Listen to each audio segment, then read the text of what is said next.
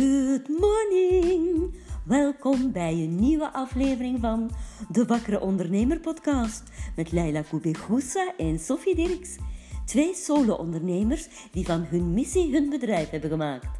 Leila en Sophie zijn bruggenbouwers, gamechangers, hooggevoelig en breed denkend. Zij werken zich niet kapot en hebben toch meer dan genoeg geld. Ze zijn zot van persoonlijke ontwikkeling en zijn zich bewust van het grotere perspectief van dit bestaan.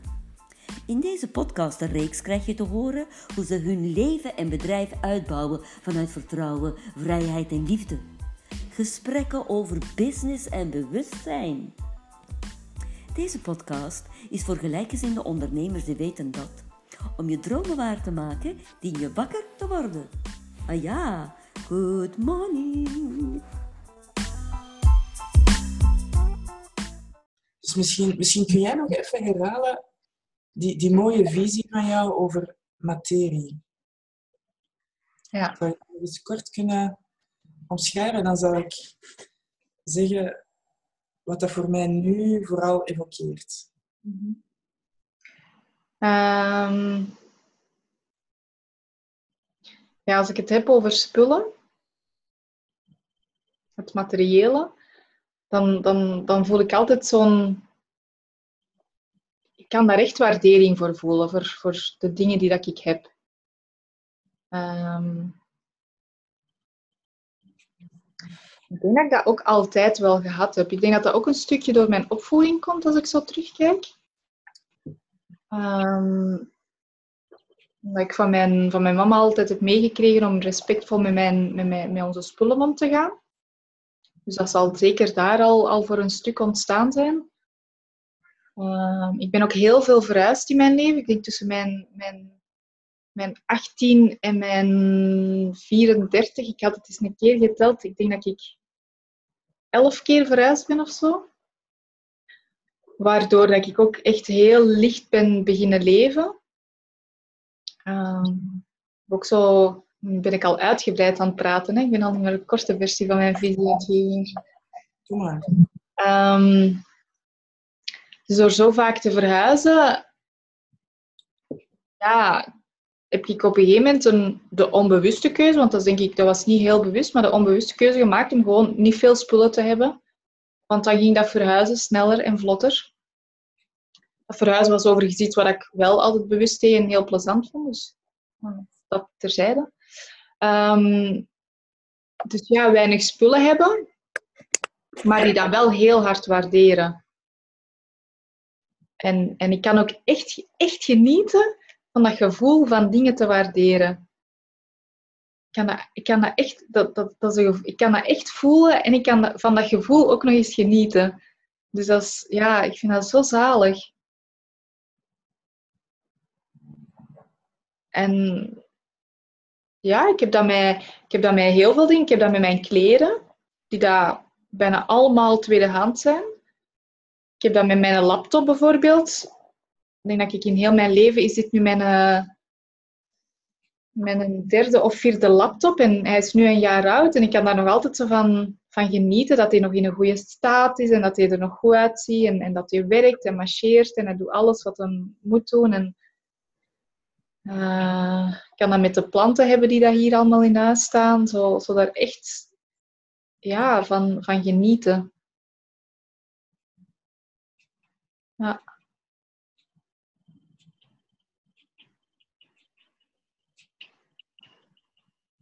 Ja, is, dat is heel fijn om zo met spullen om te gaan. Ja. Ik ben benieuwd wat jij erover wilt vertellen.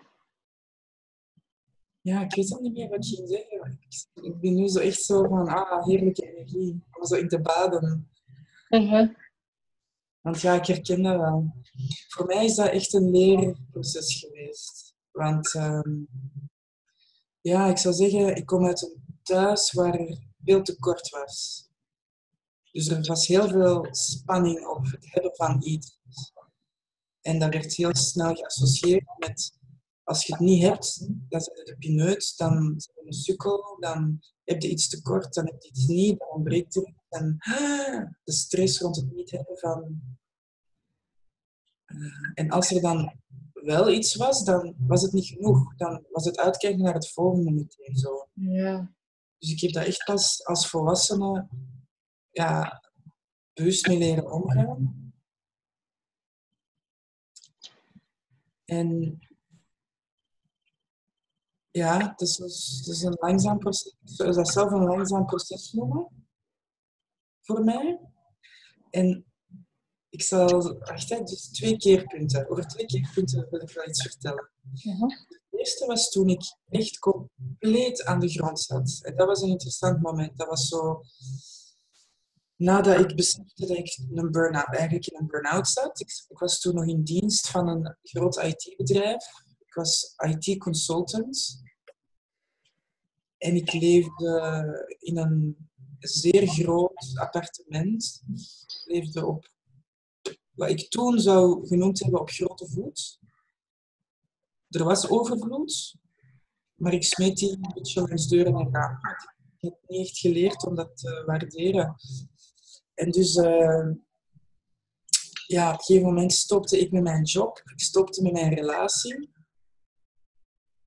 En ik bleef nog wel in dat heel groot appartement. En ja, ik was toen echt niet goed fysiek, emotioneel, helemaal gecrashed. Echt mm -hmm. op elk niveau van mijn leven, ook financieel, volledig aan de grond. En moest ik noodgedwongen, niet moest ik, maar ben ik noodgedwongen een jaar in het huis van mijn moeder gaan wonen. Wow. Niet, niet echt samenwonen, Gelukkig. Uh -huh. Verdieping, zaten andere verdiepingen. Anders was dat veel te kort op de huid geweest voor mij. Maar dat was ook wel echt een cadeau van dat ik dat kon. Dus ik heb daar een jaar, ben daar een jaar gaan uitrusten. En dus ook qua spullen heb ik toen besloten om heel veel weg te doen. Weg te geven, zelfs te verkopen. Ik heb niet veel verkocht, ik heb veel weggegeven. En dat was heel interessant om te beleven. Allee, weet je, ik heb gewoon een gigantische keuken met elk apparaat dat je kunt voorstellen. En ik had dat dan ene keer gebruikt of zo, weet je. Dus dat was... Ik, ik, ik voelde toen, er is hier te veel. Er is te veel. Ik kan het niet managen. Ik kan het niet meer verbinden. Uh, ik voelde mij verdrinken in de spullen. Dus het feit dat ja, mijn proces mij zo wat dwong om afstand te doen van die dingen, ik was daar eigenlijk wel dankbaar voor. Alhoewel dat dat niet comfortabel voelde. Heel veel paniek en angst en verdriet. Maar ik voelde op een ander niveau van dit is nodig, dit is oké, dit is goed voor mij. Om even alles los te laten. Zo. Want het voelde gewoon te zwaar. Het was te veel. Ik kon het niet dragen, ik kon het niet... En het paste ook allemaal niet per se bij mij. Het waren zo, ja, ja dingen die ik dacht die ik moest hebben om ja, een volwaardig leven te hebben of zo. Maar dat was weinig afgestemd op, op mezelf. Mm -hmm. En um, ja, dat, dat gaf echt een, een soort bevrijding. Um,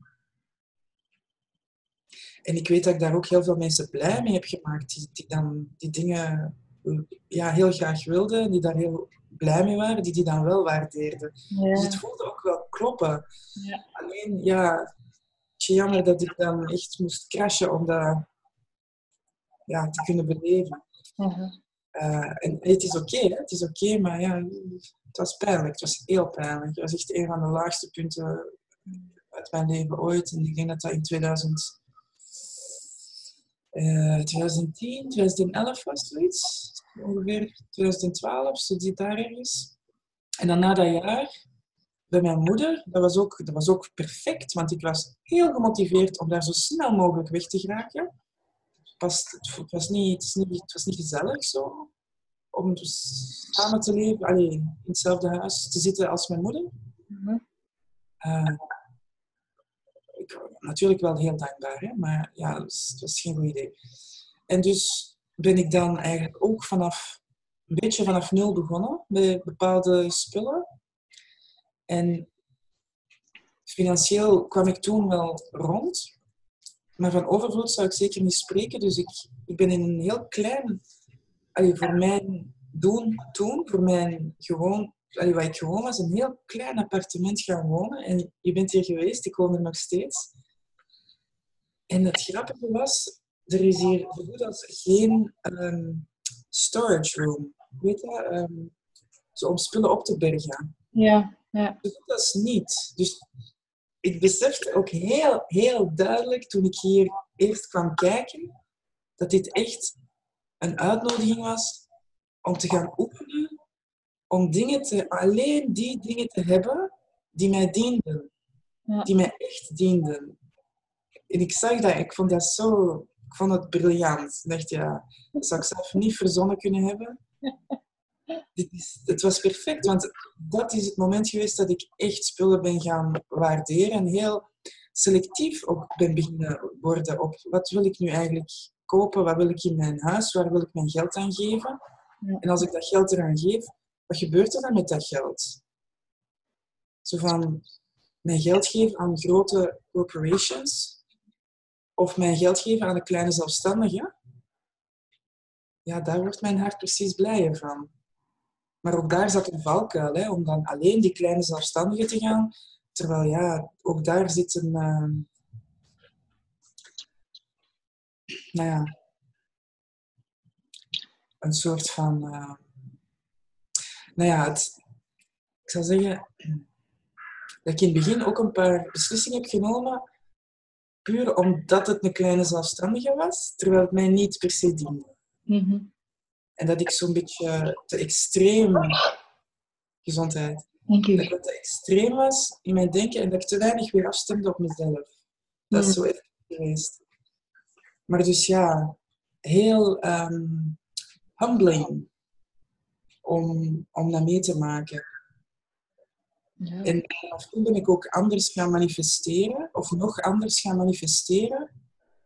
En gemerkt dat ja, het manifesteren afgestemd op mijn missie, dat dat echt wel stroomt. Terwijl als ik probeer te manifesteren uit angst dat ik iets niet ga hebben of zo, dat, dat gaat langs geen kanten.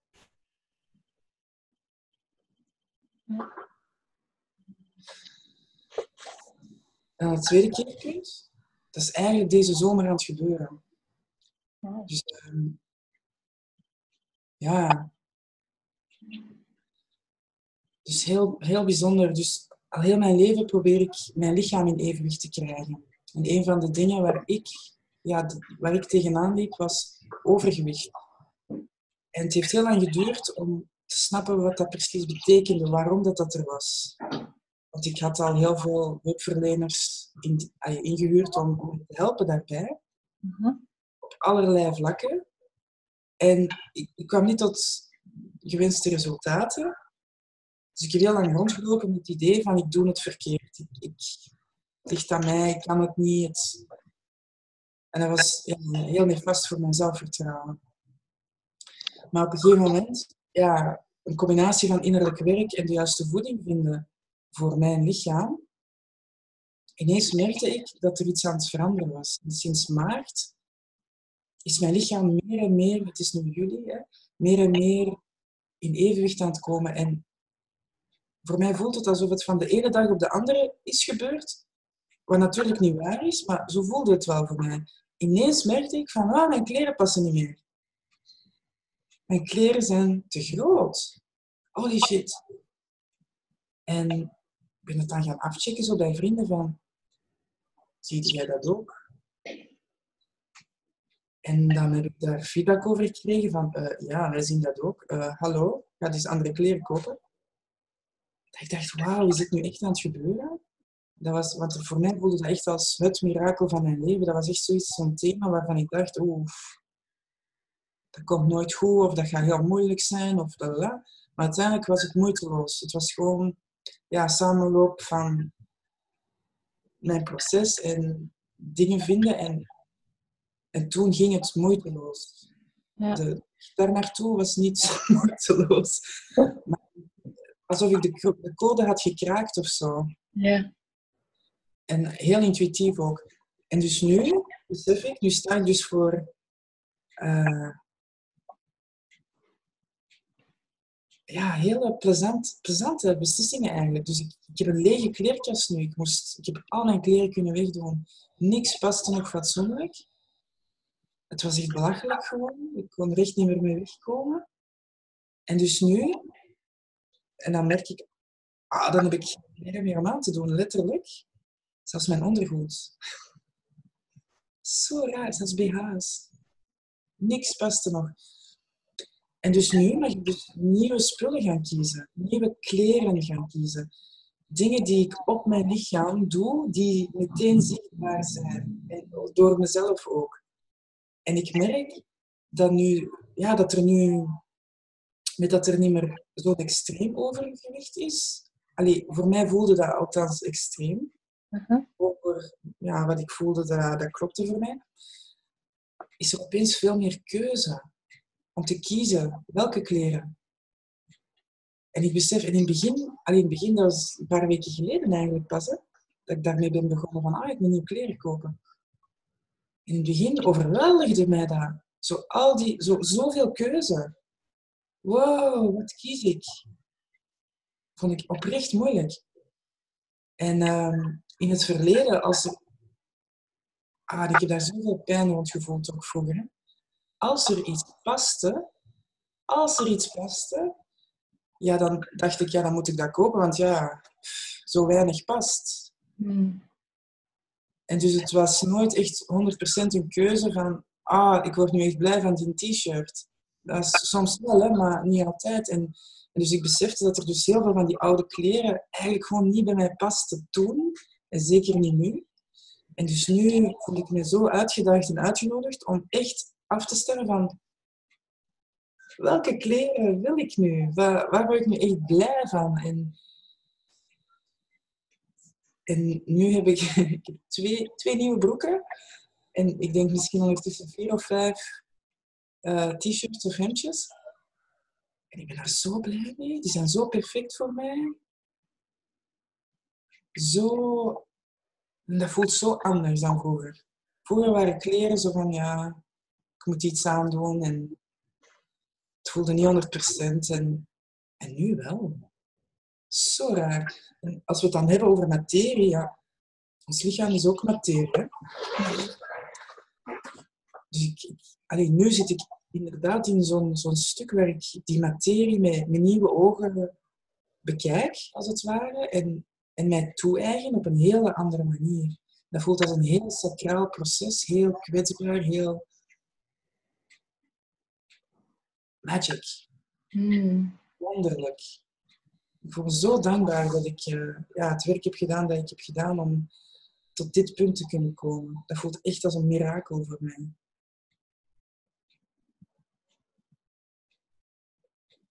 Mooi. Is dat te horen? Ik merk dat uh, wat vooral is blijven hangen, dat je op een gegeven moment zei van mijn lichaam is in evenwicht dat vond ik wel heel mooi. Ja. Dat je zo niet... Veel meer, ik zal zeggen veel meer. Ja, ja. Zoveel meer. Ja. Maar dat er dus geen, vermoed ik, ideaal streefgewicht is, maar gewoon een gevoel van... Ja. Nu is het goed. Ja. En ja, ik herken heel veel in het stuk van, van zo uh, ja, de waardering hè, van, van, het, van het materiële, dat, dat herken ik heel hard. Ja. En ja, ik vind het een interessant thema van um, veel keuze te hebben en daar niet weten wat niet te doen. Ja. Weinig keuze, of voelen dat je weinig keuze hebt. En ook zo van, ah, ja dat allebei een soort van onevenwicht kan creëren. Ja, ja. ja, die viel mij ook nog op. Inderdaad, van... Ja, een stukje herkenning dat als ik, als ik te veel keuze heb, dat ik soms ook gewoon overweldigd kan zijn, dat dan ook niet meer weet.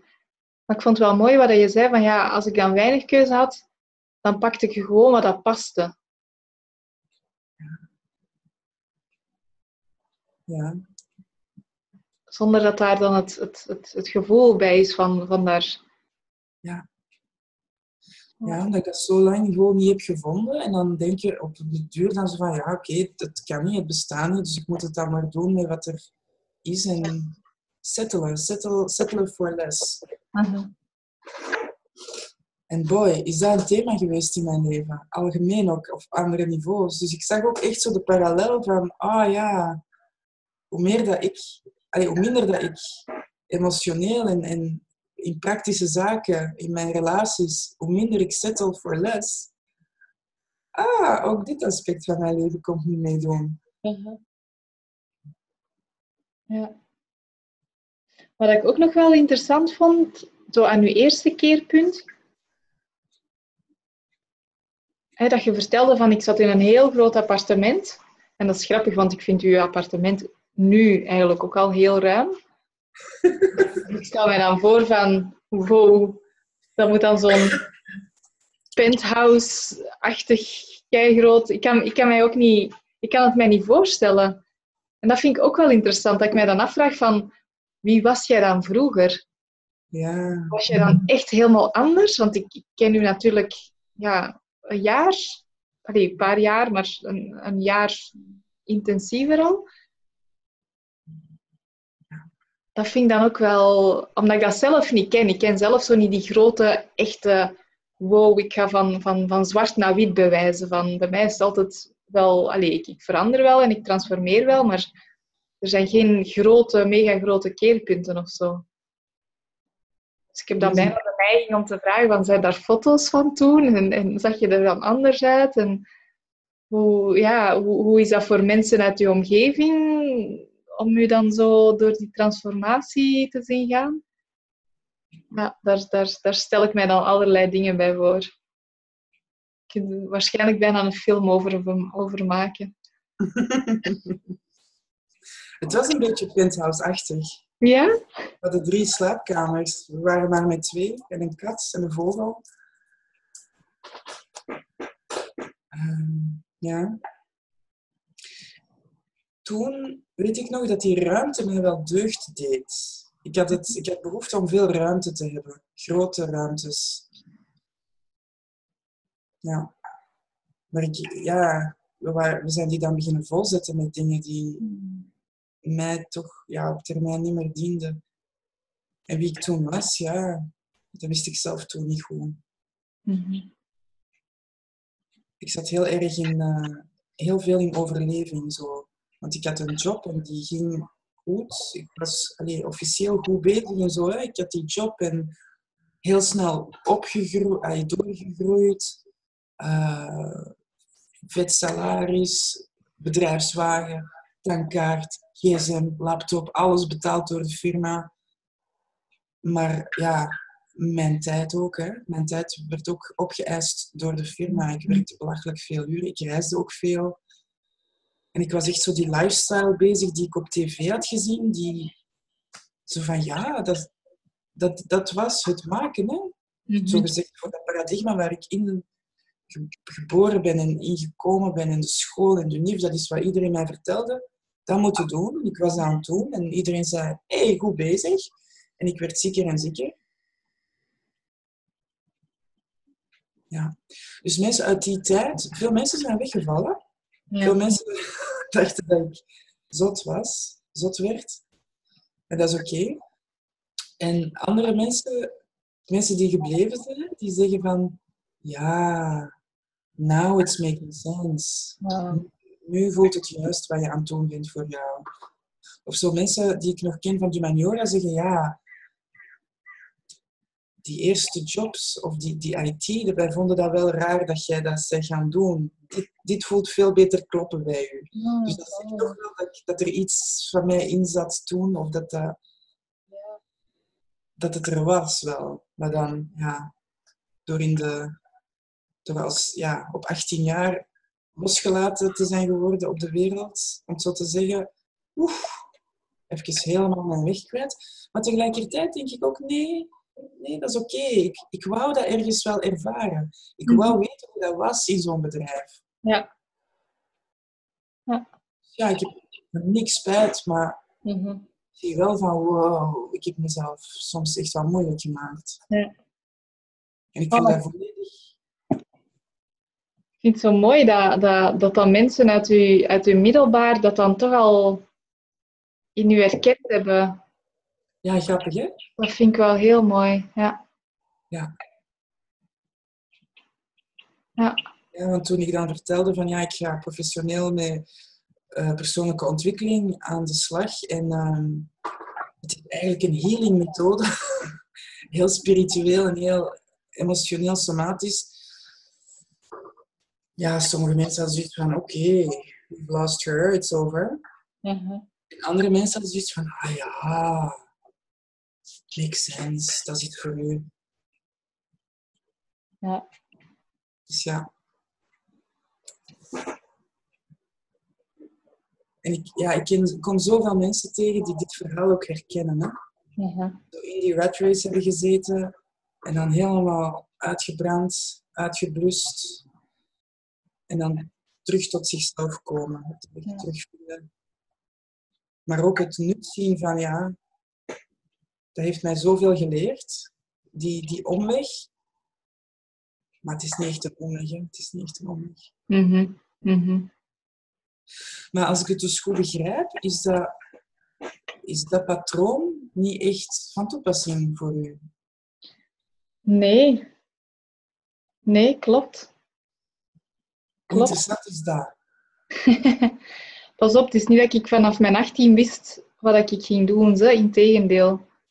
Ik denk dat ik daar nog maar een paar jaar echt... echt allez, ik kom daar steeds meer en meer... Dat wordt meer uitgekristalliseerd.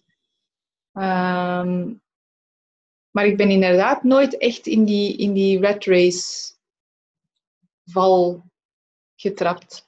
In de zin van, ik heb nooit jaren aan een stuk een fulltime job gehad en keihard gewerkt en, en in een burn-out geëindigd en dan het licht gezien om het even heel... Dat is een korte versie, hè? samenvatting waar er misschien heel veel mensen zich in zullen herkennen. Nee, dat heb ik nooit op die manier beleefd. Ik heb, ehm, ik heb vooral een, een heel, heel veel het, het niet weten. Het niet weten, maar wel voelen van ik heb een ander pad te bewandelen dan wat de meesten doen. Afstuderen, een job zoeken. Ehm, en ik heb wel een tijdje gedacht dat ik dat ook moest doen. Maar ik ben daar nooit helemaal ingestapt. Ik ben eigenlijk afgestudeerd aan de middelbare school. Dan ben ik verder gaan studeren. Dan heb ik een paar jaar gewerkt, maar niet fulltime. Dan ben ik terug verder gaan studeren, omdat ik dus het voelde dat ik, dat ik nog niet klaar was. En dat ik, allee, dat ik het ook niet wist. En dan daarna ben ik naar Nepal gegaan. En, en daar is dan misschien wel mijn transformatie gekomen, omdat ik wel zoiets had van, na mijn tweede studie gedaan te hebben, nu ga ik dan toch maar een fulltime job gaan doen en, en, en gaan samenwonen en een huis gaan kopen. En, hè. Dus toen dacht ik wel van, oké, nu gaat het echt gebeuren. Maar toen gebeurde het nog niet. Omdat ik dan in Nepal wel echt de ervaring kreeg van, wow, maar het kan echt gewoon helemaal anders. Ik hoef niet per se veel geld te verdienen en veel te werken. En ik kan ook met heel weinig geld heel veel dingen doen en mij goed voelen. En het gaat erom dat ik, dat ik iets doe waar dat goed voelt en waar ik voldoening uit krijg en energie. En, en dat was in 2011, denk ik. En sinds... Ah, dat is ook zo mijn Ja. tijd. Ja, ja. En het Frank viel ook ineens. En ja, sindsdien ben ik dan, dan beginnen zoeken van oké, en hoe, hè, hoe kan het dan ook echt anders, zonder echt volledig uit de maatschappij te stappen? Want ik wil wel deel uitmaken van de maatschappij, dat voel ik wel. Ik voel wel dat ik, ja... ik wil Dat niet- ook, ik wil niet volledig off-grid zonder geld gaan leven als, als, als een kluizenaar. Ik, ik wil echt wel deel uitmaken van deze maatschappij. En met de obstakels omgaan die ik dan tegenkom, omdat ik inderdaad niet het, het standaard pad bewandel. Ja. Ja. Het is mooi dat je dat bent gaan geloven dat dat kon naar, naar Nepal. Hmm. Ja, geloven. Ik leefde het gewoon. Het, het, het gebeurde gewoon. Ja. Ik heb echt de ervaring gewoon gehad van, van een, een aantal maanden. Ik ben dan uiteindelijk de eerste keer vijf maanden daar geweest. En, en ja, ik, ik, ik was daar niet aan het werken voor geld. Ik was daar gewoon aan het werken omdat ik dat zelf koos. Want ik was daar vrijwilligerswerk aan het doen. En, en ik werkte veel. En, en, en allee, ik maakte soms echt wel lange dagen. En, maar ik was echt met, met dingen bezig die dat ik leuk vond. Met mensen die dat kei tof en sympathiek waren. En, en met iets wat mij energie en voldoening gaf. Dus dat dat geld daarvoor niet in ruil kwam, dat vond ik helemaal niet erg, want er kwamen zoveel andere dingen in, in ruil voor terug. Ja. En natuurlijk het voordeel dat in Nepal kun je heel goedkoop leven. Dus het spaargeld wat ik daarvoor had opgebouwd, dat kon ik daar gewoon heel mondjesmaat gebruiken. Maar ja, om vijf maanden lang gewoon elke dag ja, je goesting te kunnen doen. Ja. En daar kei veel voldoening uit te krijgen. Dat is, ja, dat is voor mij wel de, de heilige graal. Ja. En omdat dat, dat model, zeg maar, want Nepal is dan nog niet deze maatschappij. Deze maatschappij werkt toch nog een beetje anders om dat model dan hier te kopiëren, dat is nog, uh, dat is nog een ongoing proces. Dat... Maar ook dat lukt steeds beter. Ja. ja. Dus dat is zalig, hè?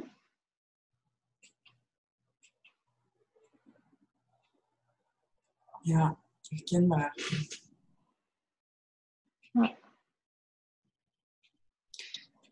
Ik besef ineens, ik moet denken aan voordat mijn burn-out pas echt goed bezig was en toen ik nog niet ziek was, ben ik uh, een paar maanden naar uh, West-Afrika geweest, naar Guinea. Mm -hmm. En dat was toen nog via Managers Zonder Grenzen. Ik denk dat dat niet meer bestaat, maar dat was een VZW die zo was, zoals Dokters Zonder Grenzen, maar dan ja. leadership toestanden. En ik ben daar uh, een cybercafé gaan helpen oprichten uh, met uh, een aantal jonge afgestudeerden van de universiteit daar, jonge computer uh, geeks. en dat is ook iets dat, toen heb ik ook zo dat ding beleefd dat jij benoemt, gewoon werken, gewoon werken. Er komt niet per se geld voor in ruil, maar gewoon nee. het ding wat ik wel voelde, want, was van ja, al mijn behoeftes waren al Um, daar werd voor gezorgd. Dus ik moest niet bezig zijn met rekeningen betalen. Ik moest niet bezig zijn met... Is mijn auto juist geparkeerd? Uh, allee, ik, ik, ik, het was voldoende om daar te zijn. Ja. En op, op dat moment voelde ik ook van... Ah, dat geld is zo niet belangrijk. Mhm. Alleen in de context van... Ik heb iets nodig en oei, daar is geld voor nodig. Maar dat werd daar... Dat werd gewoon gezorgd. En toen voelde ik ook zo die, die goesting van uh, graag werken, graag dingen doen. Allee, werken. Je noemt dat werken, maar dat is eigenlijk gewoon dingen doen. Samen dingen doen. Ja. En die jongeren, die, ah, die vonden ook zo geweldig. Die, die, allee, die kregen geen genoeg van de info die ik te delen had over uh, van alles en nog wat. Dus ja, ik denk dat dat ook wel een invloed heeft gehad op, op, op mijn mindset op termijn van eigenlijk wil ik zo leven. Zo gewoon ongedwongen en, en net zoals wat jij zegt, voor mij ook nu hier, om dat in België, in Antwerpen neer te zetten, uh, meer en meer, meer en meer. En ruimte voor groei. Ja.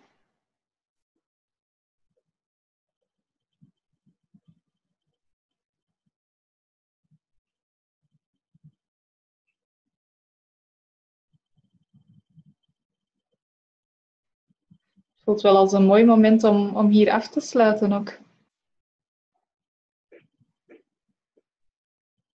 Ja. Het voelt ineens klaar. Ja. Alright.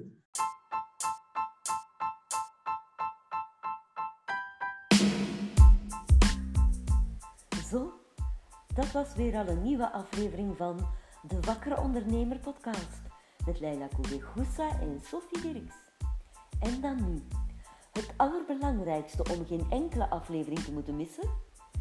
Ga nu naar dewakkereondernemer.be slash podcast en schrijf je in op de mailinglijst. Alleen voor wakkere ondernemers.